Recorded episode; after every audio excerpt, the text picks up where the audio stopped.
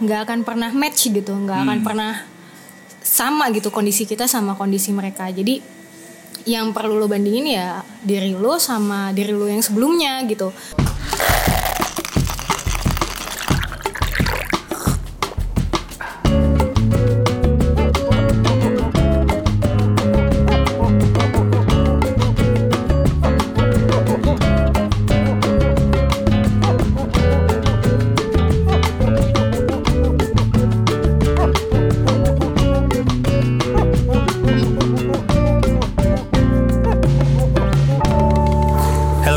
welcome back to Kohi Podcast with me Zaki Faris Maulana.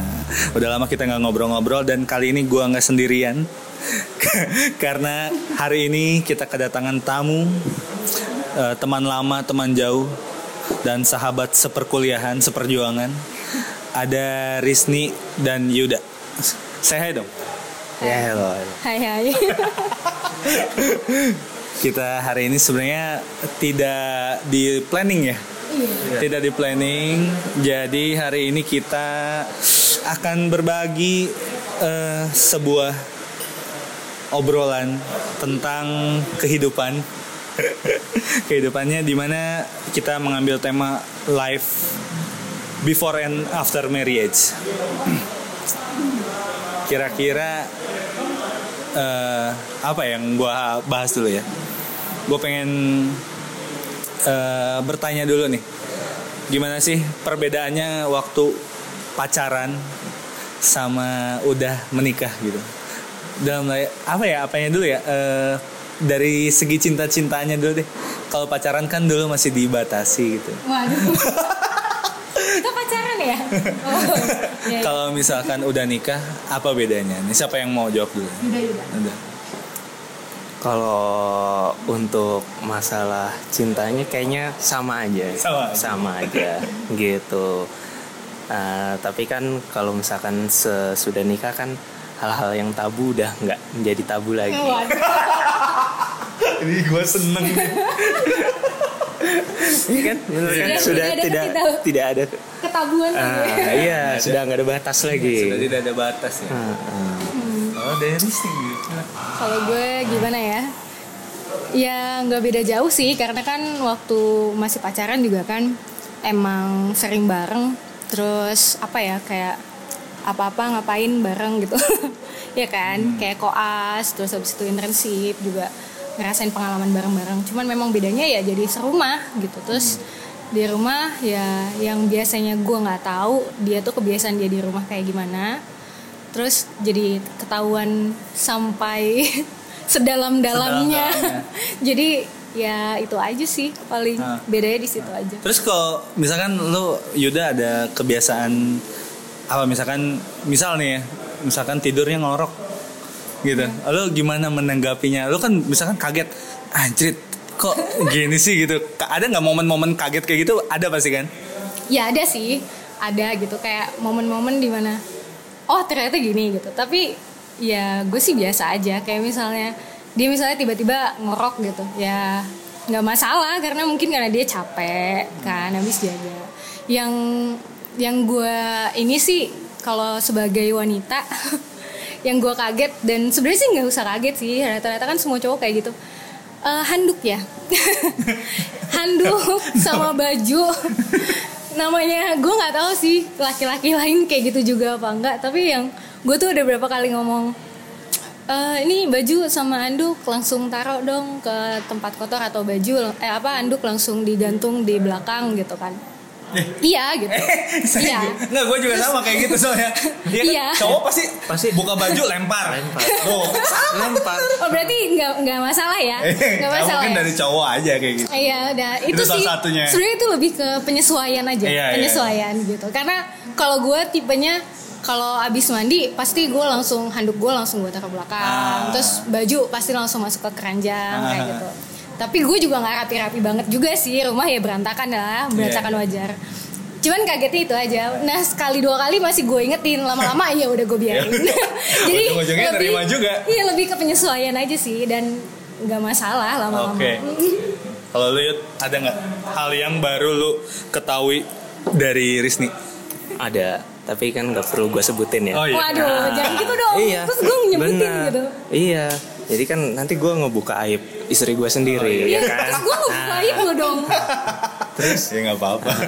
Gimana yang penting kan gimana cara gue menanggapinya Iya. Nah, ya kan ketika ada ha, ketika ada sesuatu yang gue belum tahu dan mungkin akan eh ilfeel gitu buat diri gue ya kita kalau gue menanggapinya dengan cara ya udah buat itu jadi lucu aja jadi bah jadi bahan ledekan ke dianya aja Nah. gitu. Jadi itu buat jadi jadi bahan ledekan gue ke dia Ah, gitu. jadinya karena kalau kalau misalkan Internal jokes ya. Eh, internal jokes saya. Jadi kalau misalkan kita pikirin apa kita anggap serius Iya, nanti malah itu dari situ tumbuh bibit-bibit pertikaian di situ ya kan Percikan-percikan Kecil. api. Iya, pecahnya sebuah rumah tangga. Astaga. Oke oke. Mantap. Next ya. Eh, ini kan kalau namanya pernikahan tuh balik lagi ya. eh, menyatukan kedua keluarga besar gitu ya. Kalau kalian gimana menanggapinya? Eh, karena memang ada beberapa keluarga eh, yang mungkin eh, kita klop dengan pasangan kita, tapi ada momennya kita mungkin diomongin di belakang oleh keluarga pasangan atau misalkan eh, apa diomongin sama siapanya gitu. Tiba-tiba kita jadi kok kita dipojokin gitu. Dari kalian pernah nggak ngalamin kayak gitu? Atau pengalaman dari sekitar atau gimana di keluarga kalian sendiri gimana sih kayak gitu?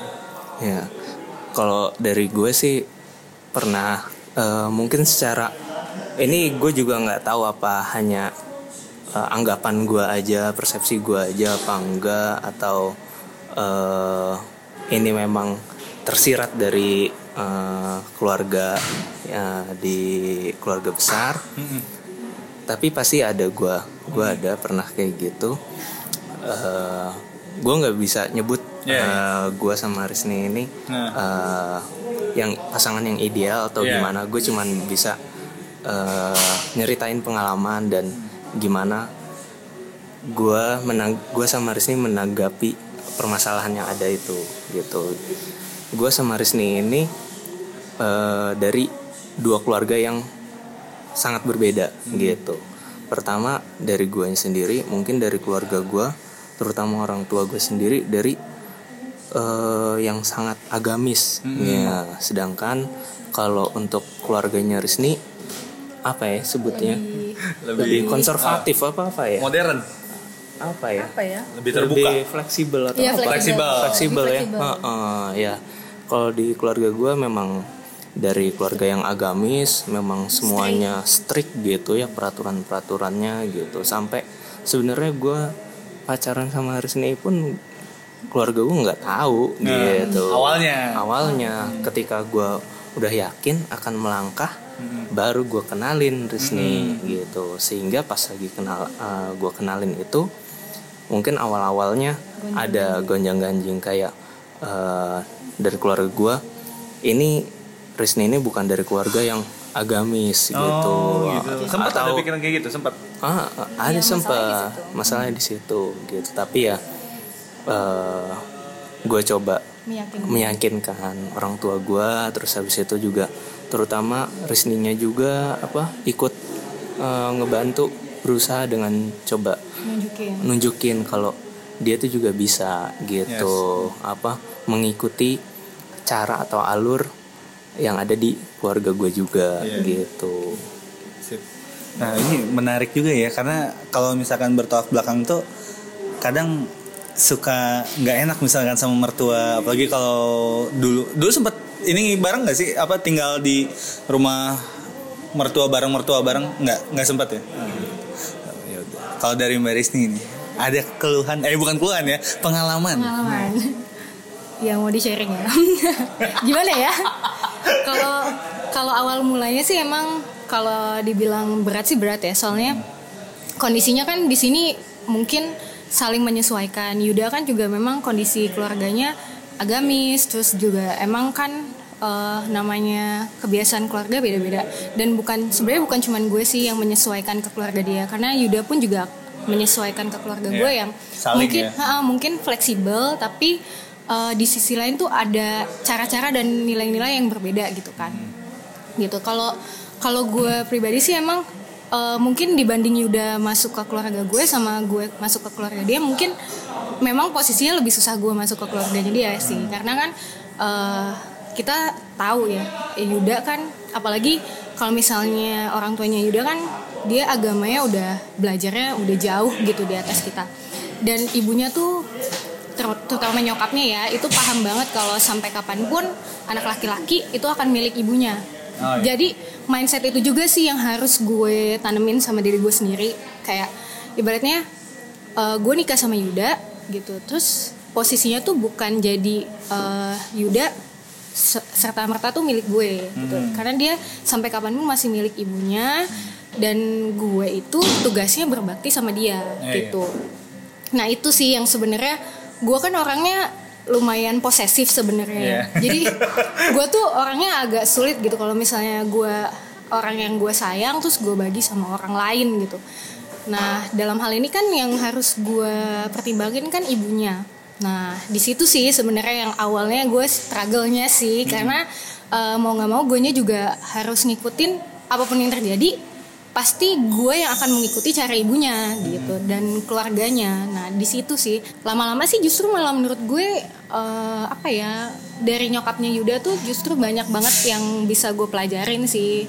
Jadi kalau sekarang sih gue nggak bilang juga gue udah gimana gitu ya, gitu. Tapi at least eh, apa yang dari diajarin dari keluarganya Yuda itu justru membawa influence baik sih menurut gue. Jadi eh, justru menurut menurut gue tuh jadi makin membuat gue yang eh, tadinya mungkin di keluarga gue gue dapat cara yang lebih fleksibel gitu. Nah begitu gue ketemu keluarga Yuda, gue nemuin cara yang oh ternyata ada batasan-batasan yang gue nggak bisa apa ya nggak bisa gue laluin gitu. Hmm. Gitu. Tapi Yuda juga artinya kan sebagai kepala keluarga tetap memberikan Hmm. apa namanya membimbing baris nih. Nah itu Iya dia. kan? ya jadi Justru itu dia. Heeh, jadi ketika ada perbedaan seperti ini ya kita nggak bisa eh, membe- membebankan eh, permasalahan ini ke salah satu pihak aja gitu.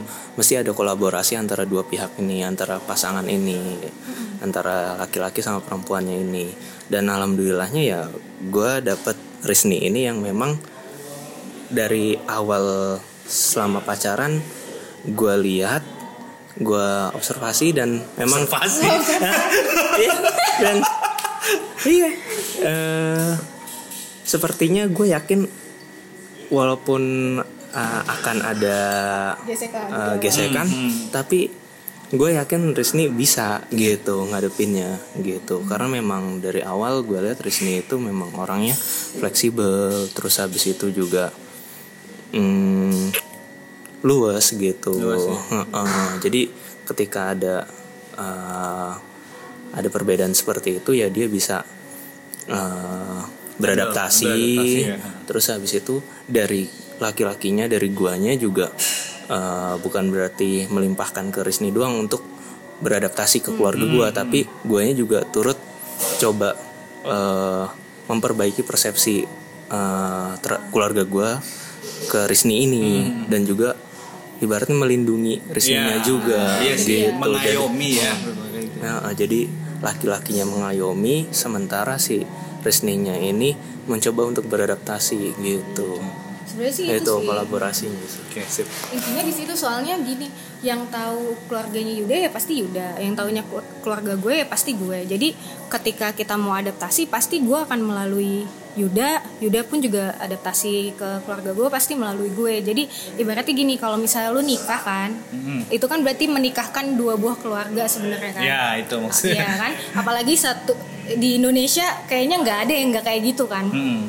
dan lu nggak bisa milih lu uh, keluarga lu tuh bakal tipenya kayak gimana tuh lu nggak bisa milih gitu. Mungkin lu bisa milih diri lu akan berpikir seperti apa tapi lu nggak bisa merubah persepsi keluarga lu kan? Gitu atau nilai-nilai yang ada di keluarga lu kan nah jadi fungsinya itu orang nikah sebenarnya gini tergantung sama dua orang yang nikah ini. Jadi pas sebelum nikah sama Yuda tuh gue selalu ngomong sama sepupu gue atau siapa pun yang mau nikah itu gue tuh selalu ngomong "Eh, selama masalahnya di internal kalian berdua ya mau nggak mau kalian harus perbaikin itu. Karena eh, kalau masalah orang tua masalah finansial masalah kerjaan itu tuh masalah eksternal yang bisa yang bisa kalian apa ya kalian modifikasi gitu. Tapi kalau masalah internal berdua itu yang susah. Karena mau gimana pun eh, masalahnya itu pasti akan ngefeknya di dua orang itu dulu gitu. Ah, baru di- orang di sekitarnya gitu. Jadi ya itu sih. Yang penting dua-duanya kuat bonding bondingnya. Yang lain tuh pasti akan ngikutin gitu. Gimana caranya tinggal kita eh, apa ya sama-sama mencoba mengatasi masalah eksternal yang ada gitu. Oke, itu gue sih karena belum bisa relate sih ya, karena belum nikah. Cuman gue kebayang memang pernikahan tuh emang ya gue sendiri masih takut gitu. Karena Iya. takutnya keluarga gue nggak bisa nerima eh, kan, terus keluarga dari sana juga nggak bisa nerima keluarga gue kayak gitu. Makanya gue selalu bertanya-tanya ya mungkin itu jawabannya ya harus dari internal dulu dan saling mengayomi, saling melindungi sama saling ya ber- beradaptasi ya intinya. Iya. Oke. Oke, kemudian nih gue next gue mau nanya soal karir ya. Kebetulan kan ya kita tuh satu profesi ya satu profesi sama-sama dokter. Eh dari tadi sebelumnya kita udah ngobrol ya Yud Eh, bahwa profesi dokter tuh kan beda ya kalau dibandingin sama profesi lain yang jam kerjanya jam kerja kantor Sen- Senin sampai Jumat. Eh, kalau kita kan beda shifting gitu misalkan berangkat pagi pulang malam, berangkat malam pulang pagi, nyampe rumah langsung tidur. Nah, gimana eh, dari kalian berdua untuk menyikapi hal tersebut? Eh, karena sama-sama dokter, sama-sama bekerja. eh, gimana caranya mengatasi apa ya namanya jam biologis mungkin ya apa sih namanya jam-jam kerja yang nggak wajar sewajar yang lainnya gitu. Kalau nih dari kepala keluarga dulu. gua gimana nyikapinnya ya memang eh kalau untuk jam biologis itu memang pasti terganggu lah pasti terganggu kadang bahkan lu mesti jaga 24 jam. Iya. habis 24 jam besoknya mesti jaga lagi gitu. Ya kayak gitulah. Pasti hancur lah eh, apa jam biologisnya atau kita biasa eh, sebutnya eh, siklus Irama sirkadian. irama sirkadiannya kita ya nah di situ kita pasti hancur. Tapi ya lama-lama sih tapi kayak ya kebiasa juga sih. Ter- terbentuk sendiri siklusnya. Gitu ya. Paling yang perlu kita eh, atasin itu adalah daripada eh, diri kita sendiri. Kadang kita perlu meluruskan persepsi ke keluarga-keluarga besar kita. Gitu. Kebetulan Zaki, gua sama Rizni ini eh, di masing-masing keluarga ini cuman kita satu-satunya yang dokter ya. Iya, iya. Ya, ya kan gitu. Jadi eh, mungkin keluarga kita ini masing-masing ini belum tahu gitu. Sebenarnya tuh eh, bagaimana sih jadi sebagai seorang profesi dokter itu kayak gimana? Apa cuman eh, ngisi poli aja kayak duduk nanya-nanya meriksa pasien cuman nempel-nempelin stetoskop abis itu nulis resep terus habis itu dapat duit gitu cuman dari situ sampai sore terus bisa pulang terus habis itu sama keluarga. Ya kayak pekerjaan-pekerjaan yang lain tapi enggak kan kita ini masih meniti karir sebagai dokter umum. Semua dokter umum pasti kayak gitu. Kan kerja shifting untuk yang di ini di rumah sakit Iya. atau yang di klinik gitu. klinik juga masih. nah ini kadang di dari keluarga kita ketika kita sudah jadi dokter mereka sudah bereks- berekspektasinya tinggi gitu. Wah gue udah uh, gedein anak gue jadi dokter nih nah saatnya lah gini si anak ini harus uh, berbakti ke orang tua dengan cara seperti anak-anak yang lainnya yang bukan dokter Iya. gitu ketik yaitu ya. Sabtu Minggu datang ke rumah terus habis itu tiap eh, Sabtu Minggu datang ke rumah terus habis itu kumpul-kumpul keluarga segala macam gitu terus habis itu sudah mapan segala macam punya rumah apa segala macam gitu. Tinggi ekspektasi Iya. ekspektasi tinggi banget lah. Apalagi dengar kata dokter kayaknya penghasilannya tinggi gitu. Padahal kan nggak semua kayak gitu ya. Cukup lah. Ya, yang penting nah ya nah di situ itu yang perlu kita luruskan. Gitu ke keluarga kita. Kalau sebenarnya tuh dokter itu ketika kita sudah jadi kita ketika kita sudah jadi dokter itu masih jalannya masih panjang lagi gitu. Masih perlu sekolah lagi segala macam gitu. Nabung sekolah gitu. Dan sekolah ketika untuk biaya untuk sekolah itu sendiri pun ya. Iya, you know lah ya. you know lah. Nah, berapa digit itu kira-kira ya? Tiga, ya. Sekitar sekian. Nah, Tapi emang gue juga ngerasain sih kalau misalkan gue dulu ya waktu kalau sekarang kan alhamdulillah udah mulai kerja kayak office hour. Dulu susah banget buat keluar rumah. Keluarga gue kan banyaknya di Bogor sama di Tasik tuh. Kadang gue waktu lebaran itu nggak bisa eh, eh, nggak bisa ikut ke Tasik lah. Apalagi dulu eh, masih junior pasti hari raya tuh kebagian. kebagian kan. Jaga apa jaga malam lah jaga shift dua shift lah segala macam pasti kayak gitu nah eh, terus eh kalau dari keluarga sendiri selain bisa memahamin perubahan jam kerja kayak gitu eh dari keluarga kalian gimana? Support juga nggak? Tapi untuk kayak sekolah segala macam karena kalau dari gua pun masih ragu. Karena kalau gua mungkin karena belum menikah ya. Pilihannya ragu antara sekolah dulu atau menikah dulu gitu. Tapi keluarga pun untuk support mungkin nggak bisa full karena gua harus nabung dulu gitu ya. Nah, kalau kalian dari keluarga eh, kalau boleh tahu gimana eh, tanggapannya?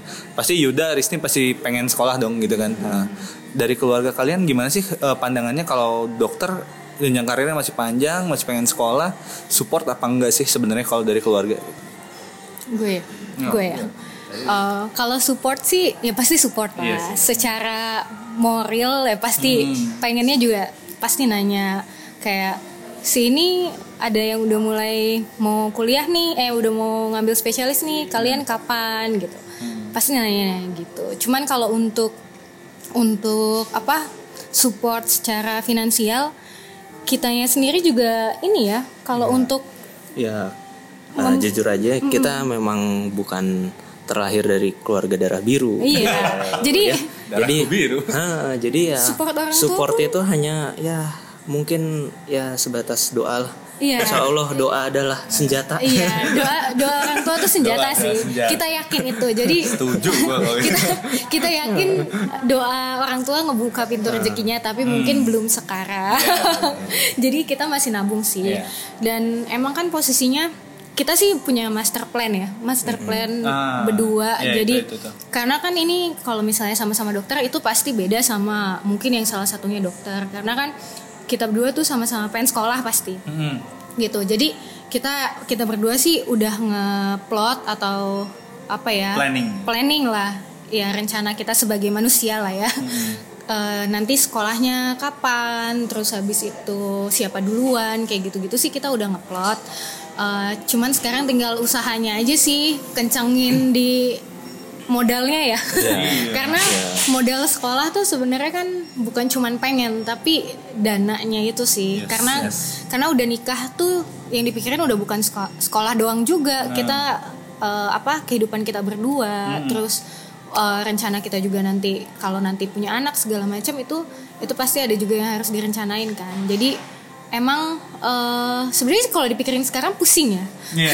Gua kan pusing banget. iya kan pikirin sekarang pusing gitu tapi ya udah sih dijalanin aja dulu sambil ya udah lihat kondisinya nanti gimana Oke. gitu jadi Sama. uh-uh, sama. jadi ya kita buka-bukaan aja ya Iya. nah jadi ini gua sama Rizny ini posisinya sudah nikah dua-duanya ingin sekolah gitu ketika kita sudah menikah dan ingin sekolah ada beban tanggung jawab lebih.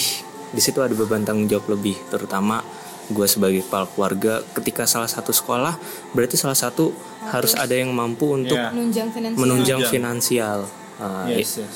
untuk bikin dapur ngebul. Yo, Nah, seneng bay. Eh, iya. Eh, karena ketika salah satu sekolah dia butuh uang bukan untuk biaya sekolah dalam artian SPP ya, aja segala macam Yes. gitu tapi di situ juga kebutuhan akan kebutuhan rumah tangga terus berjalan kebutuhan kita untuk sekolah pun terus berjalan kebutuhan untuk sekolahnya itu ya seperti transport Hmm, makan untuk Sehari-hari ya. sehari-hari terus fotokopi segala macam lah itu Penelitian. itu penelitian itu terus berjalan juga gitu jadi eh, kemarin setelah menikah gua sama Rizny ini kebetulan Langsung bikin ala- plan. langsung bikin plan alhamdulillah gua dapat kerja sudah settle Hmm. gitu jadi tadinya awalnya mau gue duluan yang mau sekolah tapi eh, melihat kondisi yang gue yang sudah lebih settle daripada Rizny jadi gue gue putusin dia kan Iya, iya. jadi gue putusin untuk ya udah Rizny sekolah aja dulu tapi mungkin sekolah eh, S2 Hmm. S2 untuk apa untuk nanti setelah dia S2 dia jadi dosen Mm-mm. dosen ketika dia sudah jadi dosen dia berarti kan sudah dapat pekerjaan yang settle Yes. nah baru gue yang uh, melangkah Yes. untuk sekolah spesialis gitu Yes. One step at a time. Ah, Ya. jadi satu-satu soalnya satu-satu kondisinya kan kayak gue nih gue kan juga ada pertimbangan sebagai perempuan nih nah ini juga nih sebenarnya yang agak berat juga sih buat cewek-cewek yang mungkin dokter juga terus dapat suami juga kebetulan dokter juga gitu atau mungkin nggak dokter tapi eh, apa mungkin ada batasan-batasan tertentu gitu sampai lu nggak boleh jaga malam segala macam gitu kan. Ada yang kayak gitu kan. Nah kalau gue gue memilih untuk eh, apa karena Yuda kerjanya udah kayak gitu shiftnya sama sekali apa ya berantakan. Shiftnya berantakan Iya, terus iya, berantakan. banget. ya kan? Udah shiftnya berantakan dia cuman sehari tuh eh, di jadwal kerja dia cuman ada dua shift. Hah. which means kan pasti kalau dia nggak pulangnya sore ya dia pulangnya besok pagi gitu Iya, kan. besok pagi.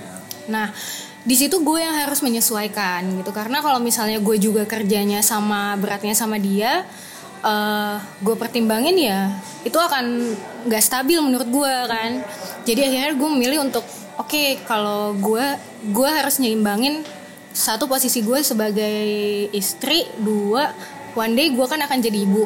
Yes. Jadi gue harus nyari kerjaan yang kira-kira eh, nggak mengganggu jam apa ya eh, jam stabilnya di rumah tuh gimana? Misalnya kan kayak misal eh, pagi nih nggak mungkin kan misalnya kalau pagi-pagi dia berangkat terus gue nggak siapin apa-apa atau sore gitu dia maka eh, nggak gue siapin makan itu kan kayaknya agak gimana gitu kan. Jadi gue memilih untuk ya udah eh, gue yang ngalah gue cari kerjaan yang kira-kira gue bisa berangkat pagi pulang sore gitu. Nah kemarin akhirnya ngobrol sama Yuda dan eh, setelah gue menjalani jaga IGD gue pun juga seperti agak apa ya kayak jiwa gue nggak ke sana gitu Iya. Jiwanya tidak sebagai klinisi. Iya gitu. Ya sebenarnya sebagai klinisi Tapi- senang, tetap Ah. senang. Tapi untuk pressure di IGD tuh gue kayak apa ya? Kayak kurang me- menikmati Iya, gitu. iya, iya. Kan ada orang yang suka tantangan gitu Iya, kan. iya. Nah sed- sedangkan awalnya mungkin gue suka, tapi lama-lama gue orangnya kan gampang bosan. Hmm. Terus di sisi lain juga eh, gue kalau misalnya terlalu ditekan kayak gitu, gue tuh nggak suka gitu. Jadi nggak suka. ya? iya. Gue tuh makin gak suka ditekan. Kalau makin ditekan gue malah makin males gitu. Nah jadi akhirnya gue gue pikir ya udah gue cari kerjaan aman. Gue ngobrol sama dia terus kata Yuda "Eh, gimana kalau misalnya nyoba ke ngajar? Karena gue sendiri kan seneng ngomong terus seneng cerita kayak gitu ya udah deh terus gue ngobrol-ngobrol juga sama nyokap gue yang emang dosen juga kan Iya, iya. di situ terus nyokap gue ya udah nggak apa-apa kalau emang toh juga kalau ngajar kalau tetap pengen praktek pun bisa gitu Hmm. kan dan jadwalnya jauh lebih stabil gitu kan Iya. Hmm. Lebih manusiawi Ya. tapi memang kendalanya adalah ketika gue memutuskan untuk menjadi dosen di Jakarta itu nggak bisa kalau misalnya lu belum S2 Oh. gitu jadi mau nggak mau eh, ya gue harus sekolah dulu. Akhirnya ngobrol sama Yuda. Yuda pun juga setuju karena ngelihat kondisi keuangan kan eh, kira-kira memungkinkan nggak? Nah Yes. Hmm. dilihat dari eh, penghasilannya Yuda Mm-mm. itu kayaknya memungkinkan untuk gue sekolah dulu. Ya udah gue akhirnya sekolah gue ngambil S2 start sih nanti sekitar akhir eh, Agustus ya. Eh, Insya Allah start akhir Agustus. Mm. Eh, terus nanti dengan apa ya dengan pokoknya patokannya gue harus selesai 2 tahun gitu jadi selesai Oh, 2 tahun Udah target berarti ya? Ah, target gue harus selesai 2 tahun. Setelah itu gue mulai jadi gue yang ah, apa ngebulin dapur. Dapur. Dia yang usaha untuk Ah. sekolah gitu. Yes. Jadi plotnya itu sih ah, apa harus benar-benar dipikirin karena Iya. kita bukan dari keluarga yang ah, mah mau sekolah besok gitu. mau ah, bagi duit buat berangkat sekolah. Oh nih tuh kan Iya. nggak mungkin. Jadi kita harus ngeplot Iya. sebisa mungkin. Tapi eh, artinya kalian berdua memang benar-benar terbuka ya, harus harus terbuka justru ya kalau kayak gini ya. Maksudnya planning itu kan bukan sesuatu yang jangka pendek besok selesai gitu. Kayak lu sekolah 2 tahun, kalau spesialis lagi 4 tahun gitu. Itu artinya harus benar-benar ya master plan ya kalau kata lu bilang tadi ya. Master plan. Nah, itu iya karir mau nambahin lagi nggak lu? ya udah Udah. berarti ya bisa bisa ada lah jawabannya salah Iya. satu pertanyaan sekolah dulu apa nikah dulu nah Iya. Dari dari cerita ta- pengalaman kita berdua tadi bisa eh, sedikit lah eh, dilihat Heeh. eh, kira-kira eh, enaknya tuh sekolah dulu apa Enak. eh, nikah dulu. Jadi positifnya kalau misalkan kalau misalkan nikah dulu ya tadi Iya. kita punya eh, saling gantian. saling gantian kayak Bikin punya bener-bener punya teman hidup gitu Iya. yang saling support, gitu. Nah. Tapi kalau misalkan eh, sekolah dulu ya mungkin positifnya eh, lu nggak bakal nggak ada beban tanggung jawab lebih Iya, gitu karena lu hidup untuk diri lu sendiri Hmm. tapi ya tadi karena lu hidup untuk diri lu sendiri berarti nggak ada yang bantu support Iya. Hidupin lu siapa? Hidupin gua siapa? Terus gua gimana ini? iya kan? iya. Nah, itu makanya gua sebenarnya pengen juga ngobrol sama orang yang emang udah di posisi kayak gitu. Ada teman kita juga Farah sama Benny kan. Nah, Farah sama Benny juga kan sama tuh. Udah menjalani Benny duluan. Nah, Farah nih kalau dengerin ya, Farah gua tunggu di Bogor. Kita belum sempet ngobrol. Pasti seru karena gua eh, tadinya mau ngobrol sama dia soal UKM PPD. Eh, karena dia sempat jadi ngajar juga kan mereka eh, apa? Farah tuh udah berpengalaman lah di bidangnya Iya. gitu gue pengen nanya dan gue belum ketemu Benny lagi setelah sekian lama juga jadi gue pengen banget ketemu mereka berdua Farah Benny kalau denger gue tunggu di Bogor Buat dikulik ya. buat dikulik Wah, seru juga tuh Farah, ben Farah Beni tuh soalnya selain karena ya itu kan dia udah mengalami fase yang yang kita rencanakan ini Yes. ditambah ada ongkos tambahan tuh karena mereka LDR iya iya kan? benar benar itu juga kan pasti apa ya cash flow mereka tuh pasti kalau dikulik pasti seru eh, gitu. ya Farah Benny jangan ini ya jangan marah ya kalau kita omongin dan juga Eh? bisa ini juga itu apa eh kan berarti kan eh anggapan apa pikiran-pikiran keluarga mereka tuh kayak gimana kok udah suami istri kok masih LDR nah itu juga Itu bisa tuh juga. dikulik tuh gimana cara mereka menanggapinya gitu. karena itu juga Ya, jadi eh, pertimbangan. eh, Nah. pertimbangan juga pasti pokoknya Benny Farah gua cari lu nanti gua tunggu di Bogor Oh, Nah, nggak tahu gue belum ada waktu ke Jogja. Kalau ada waktu gue ke Jogja. Nah, next ini masalah yang sensitif lagi nih. Karir udah setelah karir tentu aja datang penghasilan. ini di era-era milenial yang katanya nggak punya rumah, nggak punya, nggak bisa punya rumah. Kemudian semua berbondong-bondong follow Joska iya untuk memperbaiki untuk memperbaiki. Jadi dari kalian sendiri nih, sekarang dua-duanya menghasilkan. pengeluaran yang tadinya masing-masing jadi satu dong pasti. Uang kekumpul jadi satu. Nah bendaharanya siapa? Ya istri. Oh istri. Tentu saja mbak Riz nih nah dari kalian sendiri gimana nih? Eh, ada tips and trick nggak buat ngatur uang yang dihasilkan kemudian dikeluarkan bareng-bareng untuk keperluan rumah tangga? Nah ini ya? ben- bendah- bendahara dong Bendahara bendahara. ya. Ya kebetulan emang semua uang gue yang pegang. uang uang suami uang istri uang istri uang istri oh iya, enggak sih. Kalau kita sih, kalau gue emang kan kalau lo follow Joska pasti dikasih tahu tuh sama dia kalau pasti ada eh, apa ya template-template sendiri. Misalnya Yes. kayak eh, ada yang uang pegang sendiri-sendiri, ada yang digabungin, ada yang gimana-gimana gitulah pokoknya. Hmm. Nah kalau gue sama Yuda tuh menganut uang kita jadi satu. Jadi apa yang dihasilin Yuda, apa yang dihasilin gue itu jadi satu. Terus gue yang pegang. Nah kalau untuk ngaturnya sebenarnya sih kita juga masih sampai sekarang masih meraba-raba ya. belum mendapat uh, proporsi yang pas, Pas. gitu Iya. untuk tiap-tiap uh, sektor ini kayak uh, kebutuhan harian investasi Hmm, gitu Karena kita juga masih ngeraba sih, tapi yang paling penting gini, eh, gue tuh selalu eh, membiasakan begitu dapat gaji dikumpulin, terus ya gue belajar dari lo juga sih Zak buat apa eh, nyatet nyatet finansial gue tuh gimana gitu kan.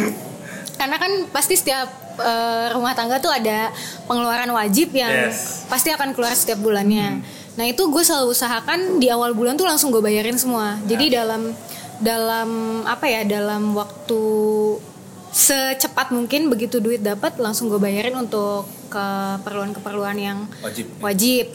Nah setelah itu baru eh, kalau untuk sejauh ini sih kayak misalnya pengeluaran kayak belanja bulanan kayak gitu-gitu gue kan nggak pernah belanja misalnya langsung satu bulan gitu nggak. Oh, iya. Nah jadi biasanya kalau gue sih tetap ngandelin duit cash. Jadi eh, dalam satu minggu tuh suka gue ambil berapa gitu untuk keperluan gue minggu itu. Gue sama Yuda minggu itu. Nah nanti eh, biasanya sih sambil gue catet nanti keluarnya berapa untuk apa itu gue catet kalau inget.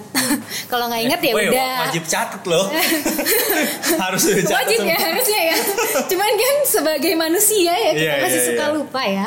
Nah terus habis itu nanti di akhir bulan biasanya sih baru tuh gue pusing. Kenapa? Ya gue pusing sih biasanya gue pusing karena biasanya kalau kalau awal bulan biasanya gue masih rajin nyatet. Nanti Ah. tengah ke belakang tuh gue suka agak miss. Nah itu Oh. baru di situ tuh gue agak-agak agak-agak pusing. Tapi Ini uang ke mana ya gitu ya? Nah, gitu. Tapi belakangan sih eh, apa namanya? Gue udah mulai lebih regularly nyatet gitu. Dan ada aplikasi-aplikasi juga kan yang Oh, iya. memudahkan kita Iya, ya. nah, dari situ. Nah, kalau untuk nabung, pokoknya gue sama Yuda sih selalu apa ya? Selalu berusaha untuk yang sebenarnya yang susah dari milenial tuh karena kita tuh suka terdistraksi sama hal-hal yang sebenarnya nggak penting. Ah. Nah, yang berujung kepada uh, kebiasaan gaya hidup. Nah, konsumtif dari gaya hidupnya itu sendiri. Nah, gue sama Yuda sih uh, beruntungnya Yuda nggak terlalu konsumtif, gue orangnya sebenarnya impulsif. Tapi karena gue memegang tanggung jawab sebagai bendahara di rumah, jadi gue juga udah mulai mikir sekarang gitu. Jadi makanya kalau gue sama Yuda sih sejauh ini masih mikirnya ya Aman ya? eh, apa yang penting itu duit jangan sampai keluar buat yang ya yang Yang yang kesenangan semata. ya gitu. Yang terlalu konsumtif gitu ya. Kalau untuk konsumtif kecil-kecilan ya masih nggak apa-apa lah. Tapi kalau yang terlalu konsumtif yang terlalu ah karena lagi pengen ini ganti HP ganti ah, gitu. Terus ah ada yang keluar yang baru mau ganti ah Iya, iya, gitu iya. kan. Apalagi atau mau ini Galaxy mau ini ya. Iya. atau aduh pengen liburan nih pengen ini gitu Ah. pasti rasa itu ada sih tapi setelah nanti pasti biasanya kita ngobrolin Ah. lagi terus kalau udah ngobrol berdua terus ujung-ujungnya sayang lah simpen iya, aja dulu Iya benar benar. Eh Biasa tapi kalau cowok kan kadang ya itu kata lu tadi ya kita udah ngobrol dulu nih. Kalau cowok kan ada aja gitu ya pengen sneakers, Iya, hobi. Kalau gua kan emang kalau gua tuh kemeja ya biasanya kemeja-kemeja yang floral gitu yang wah anjir kalau ada yang kalau ada yang baru tuh pasti gua wah ini gue sikat dulu karena dia stoknya terbatas. Kalau nggak gua beli pasti udah udah nggak ada lagi. Kalau lu gimana ya? Ada nggak yang bikin lu kayak pengen tiba-tiba gue pengen beli ini? Lu harus bilang dulu ke Rizny apa gimana tuh? Karena kan uang masuk dia semua nih. Ya pasti perlu diobrolin dulu. Tapi biasanya gue trik gue supaya buat akhirnya ujung-ujungnya eh, nggak jadi. Biasanya gue cari-cari, cari-cari sampai lama dan dapat dapatnya banyak. Mm-mm. Dan akhirnya karena dapatnya banyak, jadinya bingung. Akhirnya ya udahlah nggak jadi nggak usah. Lucu juga. Tapi emang dia kayak gitu. Iya. Dia kayak gitu. Jadi Iya kalau gitu. dia tuh tipenya Yuda tuh eh, karena orangnya seneng mikir kan. Ah. Jadi kalau dia mau beli sesuatu beda sama gue. Kalau gue tuh misalnya nih, gue mau sesuatu nih, impulsif banget biasanya. Ah, gue nanti, gue pasti gue langsung, aduh gila, kayaknya gue pengen deh beli ini. Terus gue liatin gitu. Ah, yaudahlah check out dulu gitu. Ah, iya. Nah, kalau gue ngebatasinnya biasanya gue check out, terus habis itu nanti tahu-tahu gue mikir eh, apa gue diemin nih kalau misalnya kira-kira dia emang perlu banget pasti gue akan transfer kan Oh iya. nah itu juga alasan kenapa gue nggak mau pakai mobile banking Iya. Oh iya. Terlalu itu mudah deh ya. karena terlalu mudah buat orang kayak gue hal itu tuh akan memudahkan uang keluar dari gue kan makanya gue selalu eh, membatasi gue di situ nah kalau si Yuda dia tuh tipenya kalau lagi suka sesuatu nih pasti diliatin terus kayak Hmm. berapa hari bahkan bisa seminggu tuh dia kerjanya ngeliatin sneakers aja kayak Iya, gitu kan. apalagi kalau di Instagram ya. Iya. Di Instagram kan kalau kita Sekali udah buka. sekali buka, kita like, suggestionnya pasti Iya. yang gitu semua. nanti yang yang iklan-iklan pun juga Iya. akan arahnya ke sana Ah. explore lu Itu juga isinya sih itu bikin kesel sih, bikin konsumtif ya. iya kan nah hal-hal kayak gitu tapi karena itu juga gue jadi eh, nggak keluar Iya. karena jadi terlalu banyak pilihan Terus jadi males. akhirnya jadi bingung dan akhirnya ah ya udahlah nggak usah Iya. sih. Nah, Tapi karena dia gitu. suka mikir. Iya, karena kalau gue impulsif juga gue. kalau lo bisa lo beli semua Makanya gue bookmark dulu satu. Paling nggak gue sebulan tuh belanja dua kali lah dengan budget yang sekian gitu. Kalau udah nyampe budget ya udah emang udah stop aja. Ada alokasinya gitu. ada alokasi ya kalau gue sih sejauh ini nggak nggak mengapa Tahan dulu ya. karena kalau misalnya dialokasiin kayak gitu kadang jadi buru-buru gitu beli Ah. atau kayak gitu kan nah jadi kalau gue sih lebih ke kalau misalnya ada yang suka nih ya udah kayak gitu gue diemin aja dulu gue diemin kalau emang gue mau pasti akan gue usahain beli nih Ah, tapi iya. kalau misalnya kok kayaknya nggak ada keinginan gue untuk eh, ke ATM ya buat beli gitu ya Ah, ah. untuk apa untuk bayar ya udah dia akan hilang dengan sendirinya jadi ya Yes, udah yes. gue sih kayak gitu Iya, iya. Tapi menarik juga ya kalau kayak gitu. Terus soal nabung nih, kan master plan udah ada tabungan. Kalian tabungan tuh eh, mengalokasikan nggak sih misalkan berapa sebulan ah, wajib berapa kayak misalkan persenan kalau gua kan gua karena belum punya tanggungan ya tanggungan gua masih ke orang tua gitu misalkan gua eh, selalu menyisihkan 30% lah paling enggak 30% tuh buat tabungan cash ya tabungan cash ya bukan aset ya. Eh, kalau aset beda lagi. Nah kalau kalian gitu kalau udah berkeluarga pasti kan uang masuk pengeluaran wajib pengeluaran sehari-hari habis itu nabung atau nabung dulu baru sisanya dipakai buat sehari-hari. Kita pertama kebutuhan sehari-hari dulu Ah. karena itu termasuk dalam liability kan ya iya liability dulu itu kita penuhin kalau liability udah terpenuhin semua ya udah dari situ baru kita bisa tentuin kira-kira proporsinya uh, untuk nabung bulan ini berapa persen untuk investasi berapa persen Ah. untuk senang-senang berapa persen Iya iya. Berarti kewajiban ya. Eh, liability kan jatuhnya hutang, Eh, bukan hutang apa? Kayak- Kewajiban yang harus didahulukan gitu ya. Oke. Iya sih. jadi tiap bulan ya budget untuk nabung sebenarnya beda-beda Beda-beda, tergantung pengeluar pengeluaran yang harus dibayar di bulan itu berarti. ya. Heeh. Karena kalau ngomongin duit itu pasti banyak banget yang eh, bingung ya, apalagi kalau kita bukan mau ngomongin profesi dokter doang ya. Eh, semua semua profesi apalagi yang jatuhnya ke usia 20-an. Kita kan masih 20-an nih ya. 20-an ada juga adik-adik kita yang misalkan eh, umur 25, 24 yang baru lulus itu sangat-sangat kesulitan buat ngatur duit gitu. dan gue selalu bilang eh catat pengeluaran gitu Hmm. catat pengeluaran karena dari catatan itu justru kita tahu nanti duit tuh ngalir ke mana aja Eh, dari ke mana aja makanya first thing first kalau gue selalu saranin buat catat gitu. Heeh. Heeh. tapi kalian udah mulai nyatet ya? Nah, udah mulai nyatet. Gue sih dia sih Ya. dari ya art- aja. artinya dari kalian ada catatan keluarga gitu. Pasti ada. Oke.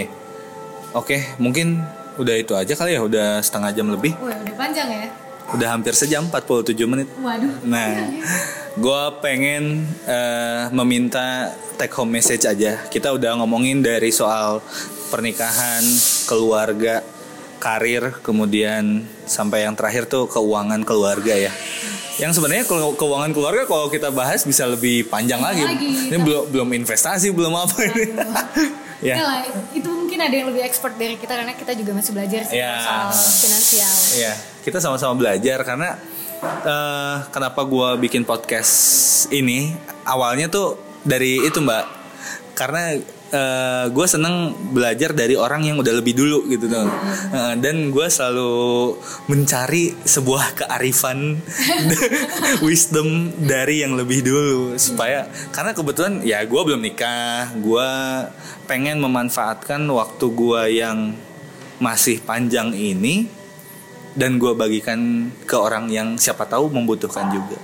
Nah, gitu. Nah, balik lagi ke take home message-nya dari keluarga, dari eh dari cinta, dari keluarga, dari karir sampai keuangan. Kira-kira apa yang pengen lo berdua sampaikan masing-masing kepada teman-teman kita di luar sana yang mungkin dokter atau non dokter juga, non medis juga yang mungkin sekarang lagi struggle di karirnya, di percintaannya, di keluarganya dan lain-lain. Gua dari Rizny dulu apa Yuda dulu? Yuda dulu deh. Apa aja karir, keuangan bebas. Ya, pokoknya untuk eh, rekan-rekan eh, mungkin dokter yang masih struggle, eh, yang sudah berkeluarga atau yang belum, yang masih pasti masih ada cita-cita untuk sekolah lagi atau masih bingung atau eh, sekolah lagi atau misalkan nikah dulu, ya jalanin aja. Semua ada jalannya masing-masing. Karena eh, pasti ada satu kutipan bagus ini. The, the right man in the right place in the right time. Yo. Artinya? Pasti seseorang itu pasti udah ada jalannya di sesuai dengan waktunya dan sesuai dengan tempatnya masing-masing. Maksudnya tuh sesuai dengan jalurnya dan sesuai dengan waktunya gitu. Kalau misalkan mungkin eh, yang lain pada banyak yang teman-teman kita bisa sekolah dulu sekolah dulu sementara mereka belum menikah. Mungkin ya kalau untuk kita ya mungkin kita menikah dulu. Ya udah menikah dulu jalanin aja. Karena pasti nanti kalau memang eh, sudah waktunya kita sekolah kita akan sekolah gitu. Karena semua ada eh, waktunya masing-masing karena kan nggak semua orang sukses di usia yang sama di waktu yang sama kan yes. kayak misalkan ya eh, contohnya ya kayak eh, mungkin pendiri KFC Colonel Sanders, Sanders, iya. itu kan sukses ketika usia 60-an. Heeh. Warren Buffett juga suksesnya di usia yang berbeda Iya. juga.